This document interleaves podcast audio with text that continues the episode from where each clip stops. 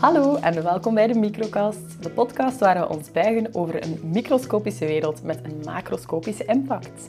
Vandaag zijn we hier met Joren, Hallo. Celine, Hallo. Arne Hey. en het is Celine die vandaag voor ons iets voorbereid heeft. Dat klopt, Naomi.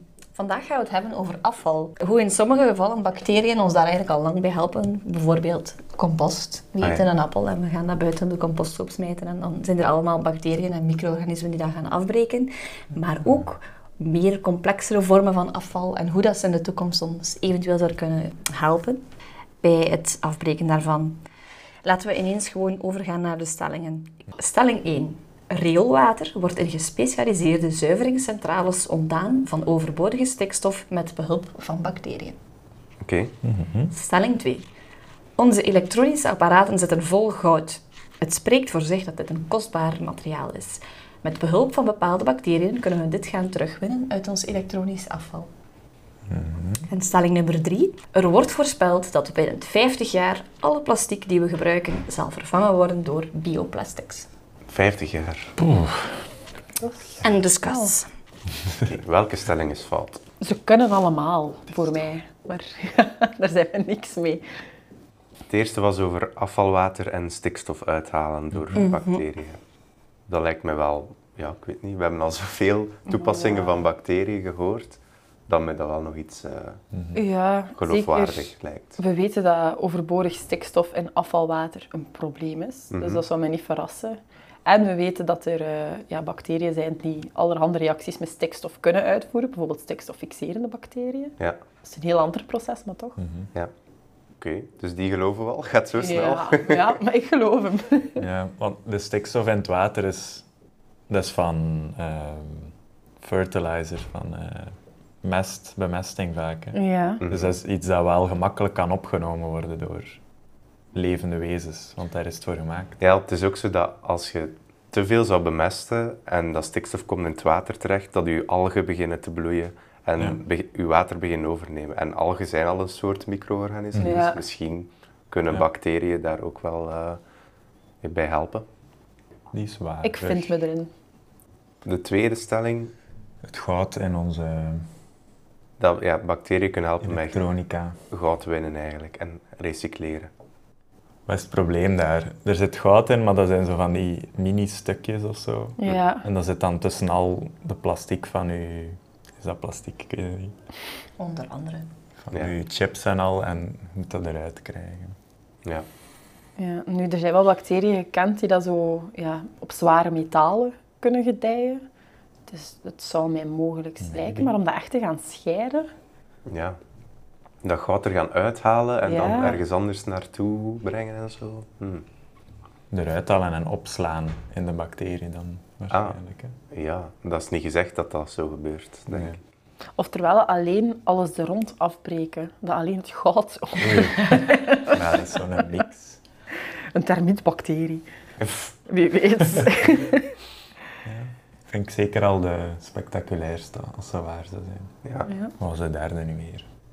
Over eh, dat binnen 50 jaar al onze plastic zal vervangen worden door bioplastics. Die is ook spectaculair. Ja. ja, maar dat geloof ik eigenlijk niet. Want ik denk dat er veel dingen zijn die niet afgebroken mogen worden door ja, biologische wezens, door levende wezens. Want dat zou net denk, een probleem zijn, moest alles bioplastic zijn, dat alles gewoon te snel zou afbreken of zo. Sommige Ja. dingen mogen gewoon. Denk, ja, aan, Dus- denk aan machines of zo. Of, ehm, ja, bewaar omhulsels of zoiets. Waarom hulsels? ja. Ja. Zakjes voor in de vuilbak, geloof mij. ja, dat wil ook niet dat het afbreekt. Ah. Ja, en misschien zijn er ook gewoon bepaalde dingen inderdaad die niet, bijvoorbeeld voedingsstoffen, die niet per se compatibel zijn met bioplastics, voor god weet welke reden. Het zou wel goed zijn natuurlijk, moest, eh, moest er meer bioplastic zijn. Ja. Ehm, Het gaat meer zijn, maar niet 100 procent. ja. En 50 jaar lijkt mij ook. Oh, snel, ja. Ja, ik weet niet, er kan veel gebeuren Ja. op 50 Ja, jaar. ja. Dat kan Ja, dat ze dat willen doen, hè. dat ze dat wel van plan zijn. Ja. Of dat gaat lukken of niet. En hebben we het dan over heel de wereld, dat dat de ambitie is? Heel de wereld. Of Ik denk dat we de leugen. Het is een voorspelling. Een voorspelling, oké. Ah ja, oké. Het is Oké. een voorspelling, ja. Ah, ik ben gerust in stelling 1, maar de andere twee. Maar dat wil wel zeggen dan, als stelling 3 fout is, de bacterie wel goud kunnen Mhm. recycleren. Ah, wel, het is dat. Maar ik hoop dat dat waar is. Oké, Ik zou wel eens willen horen of dat werkt. dan moeten we stemmen, hè. Ik ben klaar. Alright. Anne, zeg je? Ik zeg stelling 3. Ik denk niet dat al het plastic Oké. bioplastic wordt. Ehm, ik volg daarin. Ik denk stelling 3. Ja, ik ga dat ook zeggen. Het was eigenlijk te makkelijk, hè? jullie zijn alle drie juist. Ah, yes. Yes. Ehm, dus ja, jullie redenering over het eerste was eigenlijk, ik kan er bijna niks meer over zeggen. Dat was, dat was perfect, hè? maar aangezien jullie wetenschappelijke achtergrond is dat ook wel logisch. Eh, het is een van de meest actuele afvalstromen ook. Stikstof is een groot probleem, dat weten we allemaal. En is toch voornamelijk afkomstig van de landbouw. We eten heel veel dieren, eh, of er zijn heel veel dieren en die, doen, eh, die gaan allemaal afvalstoffen gaan Een uitscheiden. behoefte. Een behoefte. Lassen. En eh, dat zit vol stikstof, wat eigenlijk heel goed is voor, voor planten. En wat, dus wat gaan de, de landbouwers gaan doen, die gaan die stikstof op het veld gaan, eh, ehm, gaan gooien om de planten te bemesten. Eh, maar planten zijn eigenlijk niet zo efficiënt in het, op, het opnemen van die stikstof. Wat er dus alle gevolgen van dien, dat stikstof komt gewoon allemaal in de bodem terecht en in ons grondwater. De planten kunnen minder dan de helft van de stikstof dat we er eigenlijk op doen uh, opnemen. Dus dat wil zeggen dat meer dan de helft gewoon in de bodem sijpelt. Mhm. Dus hoe kunnen micro-organismen met deze afvalstroom dan gaan helpen? Wel, enerzijds wat minder rechtstreeks, zoals jullie aangehaald hebben. Er zijn bacteriën die stikstof uit de lucht kunnen gaan fixeren. Dat is een wat meer indirecte oplossing voor dat hele stikstofprobleem. Hè. Ehm, er zitten dus bacteriën in de bodem die stikstof uit de atmosfeer kunnen gaan fixeren en omzetten naar vormen van stikstof die beschikbaar zijn voor de plant. Ja. We hebben het hier al uitgebreid over gehad bij eh, de aflevering Knolletjes en Draadjes. Ja, de tweede aflevering, ooit. De tweede aflevering ooit inderdaad met onze promotor, professor Hoormachtig. Dus dat was één manier om stikstof te gaan... Ja, inderdaad, dat is meer indirect eh, dat hele, de stikstofproblematiek. Maar de andere directe methode is natuurlijk eh, bacteriën gaan inzetten om die eh, overvloed aan stikstofcomponenten uit het water te gaan halen. Ook gezegd, dat jullie perfect gezegd hebben, is inderdaad die eutrofiering van het water, waardoor algen kunnen gaan bloeien. En dat is een groot probleem, dat die halen dan zuurstof uit het water, waardoor dat alle wezens in Ah, het ja. water eigenlijk gaan sterven. En dus de bacteriën die we hiervoor gebruiken, zijn betrokken in het proces van nitrificatie en denitrificatie. En we hebben het hier ook ooit al eens over gehad, in de aflevering Microbes in Space, denk ik. Ah, Joren had toen ook over die processen gesproken, maar kijk, om jullie geheugen terug eens eh, op te frissen. In waterzuiveringscentrales gebruiken we die micro-organismen. En de eerste stap is dus nitrificatie, en dat is de omzetting van ammonium naar nitraat. Dat gebeurt door twee specifieke bacteriesoorten, namelijk Nitrosomonas-species. Die gaan de eerste stap in dat kleine deelstap doen. Dat is de omzetting van ammonium naar nitriet. Dan hebben we de Nitrobacter-species, die gaan de nitriet omzetten naar nitraat. en dat ammonium zit dan ook in de meststoffen dat toegevoegd wordt? of- Ja, inderdaad. Ammonium zit eigenlijk in eh, heel veel zoogdieren en ehm, afval. Ja. Ja, Laten we het zo zeggen. Ja, want wat ik mij dan ook afvraag, dus we hebben het hier dan vooral over eh, ja, de, de landbouw en, en de stikstof die daarbij komt kijken. Maar dat komt dus inderdaad uit mest, dus worden gelijkaardige dingen gebruikt voor rioolwater. Ja, ah, wel, het gaat Aha, eigenlijk specifiek over rioolwater ook. Maar Oké, rioolwater is alles wat dat, eh, afvalwater van een huishouden, van een huis, Ja. maar ook van eh, industrie. Dus dat komt allemaal samen in de riool. Aha. En dat wordt allemaal gezuiverd voordat we daar Oké. eigenlijk gaan lozen in de oceaan terug. Maar we gaan daar niet per se drinkwater terug van maken. Oké. Dus inderdaad, ammo- ammonium zit, eh, zit in, onze, in, in onze afvalstoffen, laat ik het zo zeggen. Dus van nitriet naar nitraat, want dan zit je met dat nitraat. Dat is nog altijd niet Ja. goed. Mhm. Dus dat nitraat gaan we dan gaan denitrificeren door een andere type bacterie. En die gaan het eh, nitraat gaan omzetten naar gasvormig stikstof. En dat stikstof gaat dan gewoon terug in de atmosfeer. Dus de cirkel is rond dan. En de cirkel is rond. Cool. Eh, onze atmosfeer bestaat voor meer, oh, hoeveel procent is het? 72 procent uit? 70-tal. Ja, 70 procent uit stikstof, dus dat is een heel natuurlijk, Ah, eh, heel natuurlijk proces. Mooi. Cool. Gelukkig, hè. Dat, dat we die bacteriën hebben om dat te doen Mhm. voor ons. Wordt dat nu al gebruikt? Dus, eh, Dat wordt al lang gebruikt, ja. Ah. In de meeste Cool. centrales wordt, eh, wordt dat gebruikt. Dus dat gebeurt in waterzuiveringscentrales. En hoe moet ik mij dat dan inbeelden? Dat ze effectief bacteriën gaan toevoegen aan dat water? Of, en, dat, en dan die drie soorten tegelijkertijd? Of Ha, dat is een zijn dat aparte compartimenten? Dat zijn aparte compartimenten. En ik denk dat dat water dan zo wordt overgeheveld naar de volgende bad. Zo. Ah, ja, ja, ja, oké. En dat dat dan zo... Waar dat dan een andere bacterie de volgende stap gaat doen. Inderdaad. Ah ja, oké. Ehm, dus de tweede stelling eh, was het, het goud. Ik zal ze nog eens voorlezen ter opfrissing. Dus onze elektronische apparaat is er vol goud. Het spreekt voor zich dat dit een kostbaar element is en met behulp van bepaalde bacteriën kunnen we dit terugwinnen uit ons elektronisch afval. Dus elektronisch afval, ook wel e-waste genoemd, is alles van uit elektronica, chips, maar ook inclusief batterijen ehm, van elektrische auto's en fietsen. Die zitten vol zware metalen die eigenlijk in de omgeving lekken. We hebben allemaal wel zo'n beeld in ons hoofd van al die batterijen die daar liggen op een strand. hmm. En dat dan gewoon die zware metalen ehm, daaruit aan het lekken zijn. De oceaan is ook vol zware metalen ondertussen. Er is al, eh, hoe zeg je dat, kwik teruggevonden in, in vissen en zo. Echt? En wij eten dat dan op, dus dat is heel slecht, heel slecht voor het milieu. Mhm. Dus ehm, hoe, wordt dat gebruikt, dan- hoe wordt dat nu gerecycleerd, die e-waste? De- Dus nu gaan we dat gaan verhitten tot 1000 graden Celsius om de metalen terug te gaan winnen. Amai. Hierbij komen toxische gassen vrij. En het kost natuurlijk ook heel veel energie Mhm. om op 1000 graden te gaan. Dus ehm, ze smelten die metalen er ja, uit. terug uit. Ja. ik weet niet 100% dat dat gaat, maar ik denk dat, dat elk metaal heeft een bepaald smeltpunt. En dat ze dan Mhm. zo met die Ah, smeltpunten ja, ja, gaan, ja. gaan spelen om dat eruit terug te winnen. Oké. Maar hoe kunnen onze micro-organismen hier nu bij gaan helpen om dat goud er terug uit te gaan winnen? Wel, bacteriën werden vroeger al ge- eh, gebruikt voor metalen te extraheren uit erts. Bijvoorbeeld, Ah. sommige bacteriën kunnen bindingen verbreken in kopersulfide mineralen. Het wordt even heel chemisch. en dan zijn er andere bacteriën die dan zwavelzuur gaan produceren, dat er dat, dat koper vloeibaar gaan maken. En daardoor kunnen wij dat terug gaan winnen, dat Ah, ja. koper. Ja. Oh, Oké. Dus eigenlijk van de wisselwerking van de twee kunnen we uit kopererts Koper de zuivere halen. koper gaan halen, Amai. terug vloeibaar maken met dat, zul- met dat zwavelzuur en zo krijgen we En vloeibare je koper. zegt dat dat vroeger al gebruikt werd. Ja, dat is eigenlijk iets dat- spreken we dan? Iets dat al, altijd al zo gedaan is? Altijd, al heel lang. en ze wisten dan nog niet wat, wat dat ze steden of zo. Of wisten ze echt van, we zijn hier met bacteriën Ja, ja, ja. Ah, ja. Oké, we spreken Ja. niet over eh, in de tijd van de Romeinen. Hè. We spreken Ah, over eh, ja, ja, de recente industriële revolutie. Gebruikten ze Ah, dit ja. al om, eh, Ah, oké. Wauw. om koper uit erts bijvoorbeeld te halen. Mhm. En dus voor e-waste wil men iets gelijkaardigs doen. Een van de zware metalen dat veel eh, voorkomt in elektronica, zoals al gezegd, is goud. En eh, men zijn de bacterie Chromobacterium violaceum aan het optimaliseren om goud uit e- elektronisch afval te recycleren. Dus hoe gebeurt dat dan? De bacterie heeft een enzym eh, dat glycine, glycine is een veel voorkomend aminozuur, zit heel allemaal in, zit in ons lichaam, kan omzetten naar waterstof cyanide, een toxisch goedje. Cyanide-ionen kunnen in vloeibare staat goudatomen binden. Hmm.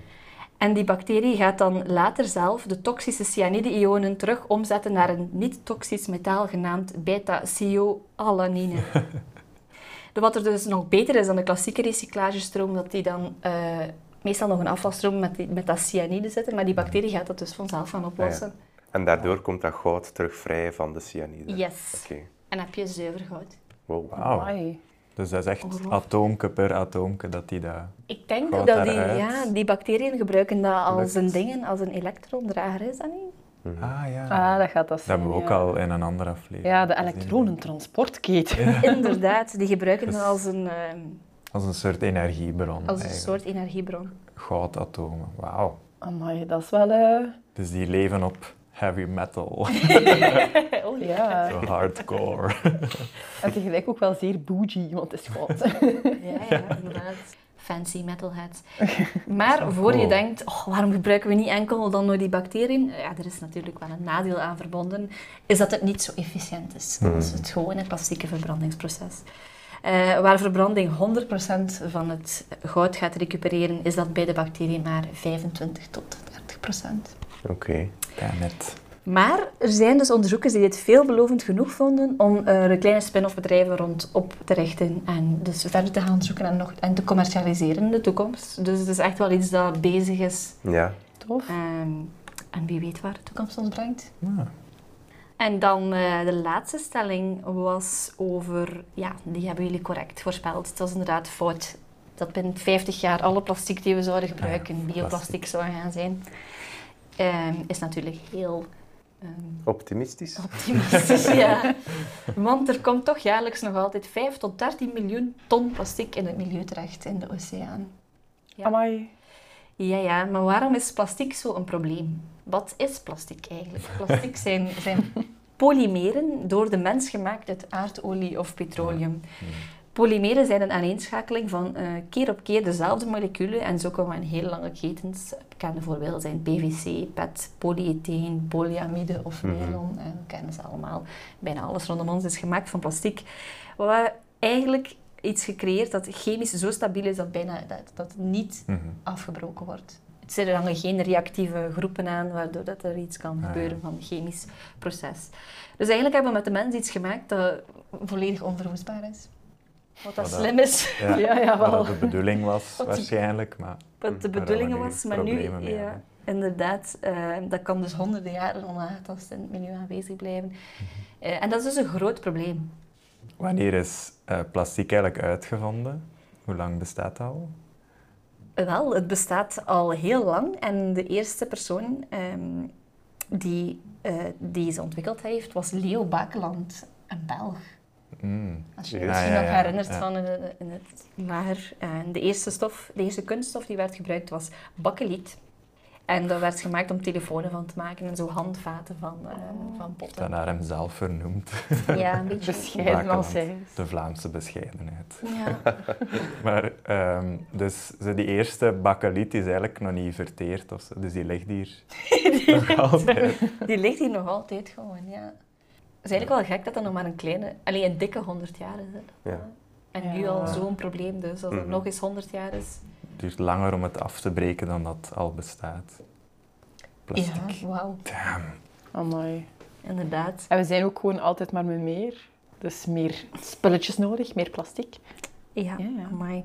Maar, Maar dus, eh, wat, wat doen wij nu om plastic te verwerken? Dat hangt af van verschillende regelgevingen van verschillende werelddelen, verschillende landen zelf. Maar de voornaamste strategieën zijn dus verbranding. Spreekt voor zich. We gaan Mhm. gewoon al plastic gaan verbranden. Eh, spreekt ook voor zich dat dat niet zo gezond is natuurlijk. Storting op stortplaatsen. Gewoon dumpen van ons plastic. Eh, in België doen we dat wel niet. Maar dat is ook de reden daarom is dat we eigenlijk geen plaats hebben om dat te doen. Ligt op elkaar. Maar Belgen zijn dus wel kampioen in het, eh, in het recycleren. Wij doen dat eigenlijk echt heel goed. Ah. Eh, recyclage is dus de derde strategie, is het hergebruiken van plastics. Maar wist je dat je alle vuilzakken waar je mee in contact komt, zijn dus allemaal, bijna allemaal gemaakt van gerecycleerd plastic. Mm. Verklaart ook ineens waarom dat ze zo een geurtje hebben. Ah, ah ja. Vuilzakken stinken dus zo hard van, eh, omdat het gerecycleerd plastic is. Allee. Dus je kunt je wel voorstellen dat dat een probleem is eh, om te gebruiken bijvoorbeeld in de voedingsindustrie. Ja. Dus in ons reglement staat, alles dat in contact komt met voeding is sowieso eh, Nieuw. nieuwe gesynthetiseerde plastic. En dat is natuurlijk veel. En dat is heel veel inderdaad. Ja. Eh, maar dus de bovenste twee methoden zijn ja, duidelijk een no-go, gaan verbrandingen of gaan dumpen. Dat is niet echt sustainable. Ehm, maar goed, ja, voor veel toepassingen hebben we het dus nog steeds nodig. Maar we moeten dus dringend op zoek naar iets nieuws. Mhm. En we zouden de microkast niet zijn, moesten we niet gaan kijken naar bacteriën die eventueel plastic zouden kunnen afbreken. Mhm. Er bestaat namelijk, gelukkig voor ons, een pseudomonas soort die plastic produceert en het ook ineens terug kan afbreken. Amai, Pseudomonas. kijk eens. Doen ze goed, did hè, Eh, ze maken een component genaamd polyhydroxyalkanoaat of PHA. Die kan gebruikt worden als bouwsteen eh, voor polymeren te maken. En die kan dat daarna ineens ook terug gaan recycleren. Voilà, terug omzetten naar zijn oorspronkelijke bouwsteen. Hmm. Maar het is helaas niet alles goed, want eh, het is een heel hoge kost om het te gaan maken en ook om het terug te gaan afbreken. Amai. Dat is toch altijd de reden. Alles draait aan het geld. Ja, Ze ja. kunnen veel, die micro-organismen, maar Ja. ze zijn niet altijd even efficiënt. nee, nee, nee, nee. Ze vragen echt veel geld wel. Ja, Hoge loonkost. Hoge loonkost. inderdaad. Je hebt veel werknemers nodig, hè. Eén bacterie, dat doen niet. Ja, wel. waar. En als die dan allemaal gaan een vakbond oprichten. Ja, nee, maar wat ik me wel afvraag, waarom kunnen die dat? Ze doen het als een manier van energieopslag. Dat is eigenlijk nog logisch, want gelijk zo, hoe dat wij energie opslaan, dat is ook gewoon... eh, Vet. ja, hoe noemt dat? Ja, een polymeer. ging naar de suikers. Toch zo? Dat zijn polymeren. noemt dat hè. nu weer? Ja, nee, wij zetmeel, maken- ja, planten maken zetmeel, dat is ook suiker dat gewoon aan één geschakeld is. Ja. En wij Dat toch ze dan ook kunnen die, gebruiken. eh, hoe noemt dat nu? Help mij. Met Die lange glucose. Ja, wel, maar ook aan het denken, wat maken wij nu weer? Wij zitten met planten bezig. Glycogeen. Ja! Glycogeen? Ah, ja. Ja, glycogeen. Inderdaad, dat is een polymeer van, Ja, ja. ons, eh, van, van suiker. Ehm, maar ze dus doen inderdaad als energie-storage eh, in, eh, in condities waarbij dat ze gelimiteerde fosfaat of eh, stikstof hebben. Ja. Alright. En een tweede bacterie die een handje zou kunnen helpen is een combinatie van de Ideonella sakaiensis, ik hoop dat ik dat juist uitspreek, en de Vibrio natrigens. Die bacteriën, of deze gemodificeerde bacteriën, zou ons kunnen helpen als het al te laat is, om eigenlijk het afval dat al in de zee is, te gaan Ah. afbreken voor ons. Dus gewoon plastic. Ah, dus die kunnen dat wel. Wel, dus het is een bacterie die, is die in staat is om PET, dat kennen we allemaal, PET-flessen of polyethyleen tereftalaat af te breken. Het is een van de voornaamste plastieken. Meer dan 20% van de plastieken die geproduceerd wordt is PET. Wat is er gebeurd? Wetenschappers hebben in die Ideonella een enzym gevonden dat die PET kan afbreken. Ze hebben dus uitgezocht welke genen dat daar verantwoordelijk voor waren om dat enzym te maken. En hebben dit in een andere bacterie gestoken. Dat is die Vibrio natrigens. Mm. Mhm. En die Vibrio natrigens is een vibrio-soort. We hebben al gesproken over Vibrio cholera. Zijn aquatische bacteriën, voornamelijk. En die zouden dus heel goed kunnen leven in oceanen in heel zoute omstandigheden. Dus wat er dus eigenlijk is gebeurd, is ze hebben een bacterie gecreëerd die PET zou kunnen afbreken in oceaan, zonder daarbij extreme temperaturen nodig te hebben. Wauw. Mm, ja, Maar... maar ja, Dan moet je Altijd wel... een maar. er is altijd een maar, maar we zijn er dus wel nog niet. Eh, plastic is niet allemaal hetzelfde. Het is niet allemaal PET. Ik zei het is maar 20%, maar het is dus nog 80% van vrij complexe plastics die we niet, eh, waar we, dat we nog geen bacterie voor hebben. En ook die bacteriën die hebben een optimum. Hè. Onder bepaalde condities zijn die toch wel beter dan. Mhm. En in de oceanen zijn ook niet allemaal eh, optimum condities. Dus de omgeving is ook een grote min. En plus ook, ja, opnieuw, de kost. Alles draait om geld. Ja. Het is nog altijd gewoon goedkoper om nieuw plastic te gaan maken dan... Ja. Dan Maar Ja. kunnen ze niet gewoon die bacterie loslaten en, en hopen dat die begint af te breken? Ah, wel, ja, dat is, dat is Cool. het idee erachter. Maar, Ja. ja. Zou het ook niet gevaarlijk kunnen worden dat we bacteriën loslaten die plastic kunnen afbreken? Want stel dat onze leidingen of zo ook beginnen af te Ja. breken. Ah, ja. Ik weet niet hè, of dat, dat een probleem is dat ze voor ogen hebben. Of... Dat is, kan ook al een probleem zijn, maar ook eh, vooral de bijproducten, dat we niet van weten welke bijproducten dat die bacteriën Ah, maken. ja. Dat die eventueel ook Ah, toxisch dat kunnen is zijn. iets voor, giftig, eh, maar ja. En natuurlijk ook, oké, dat plastic is al niet goed hè, in, Mhm. eh, in de zee en in de wateren, laten we het zo zeggen.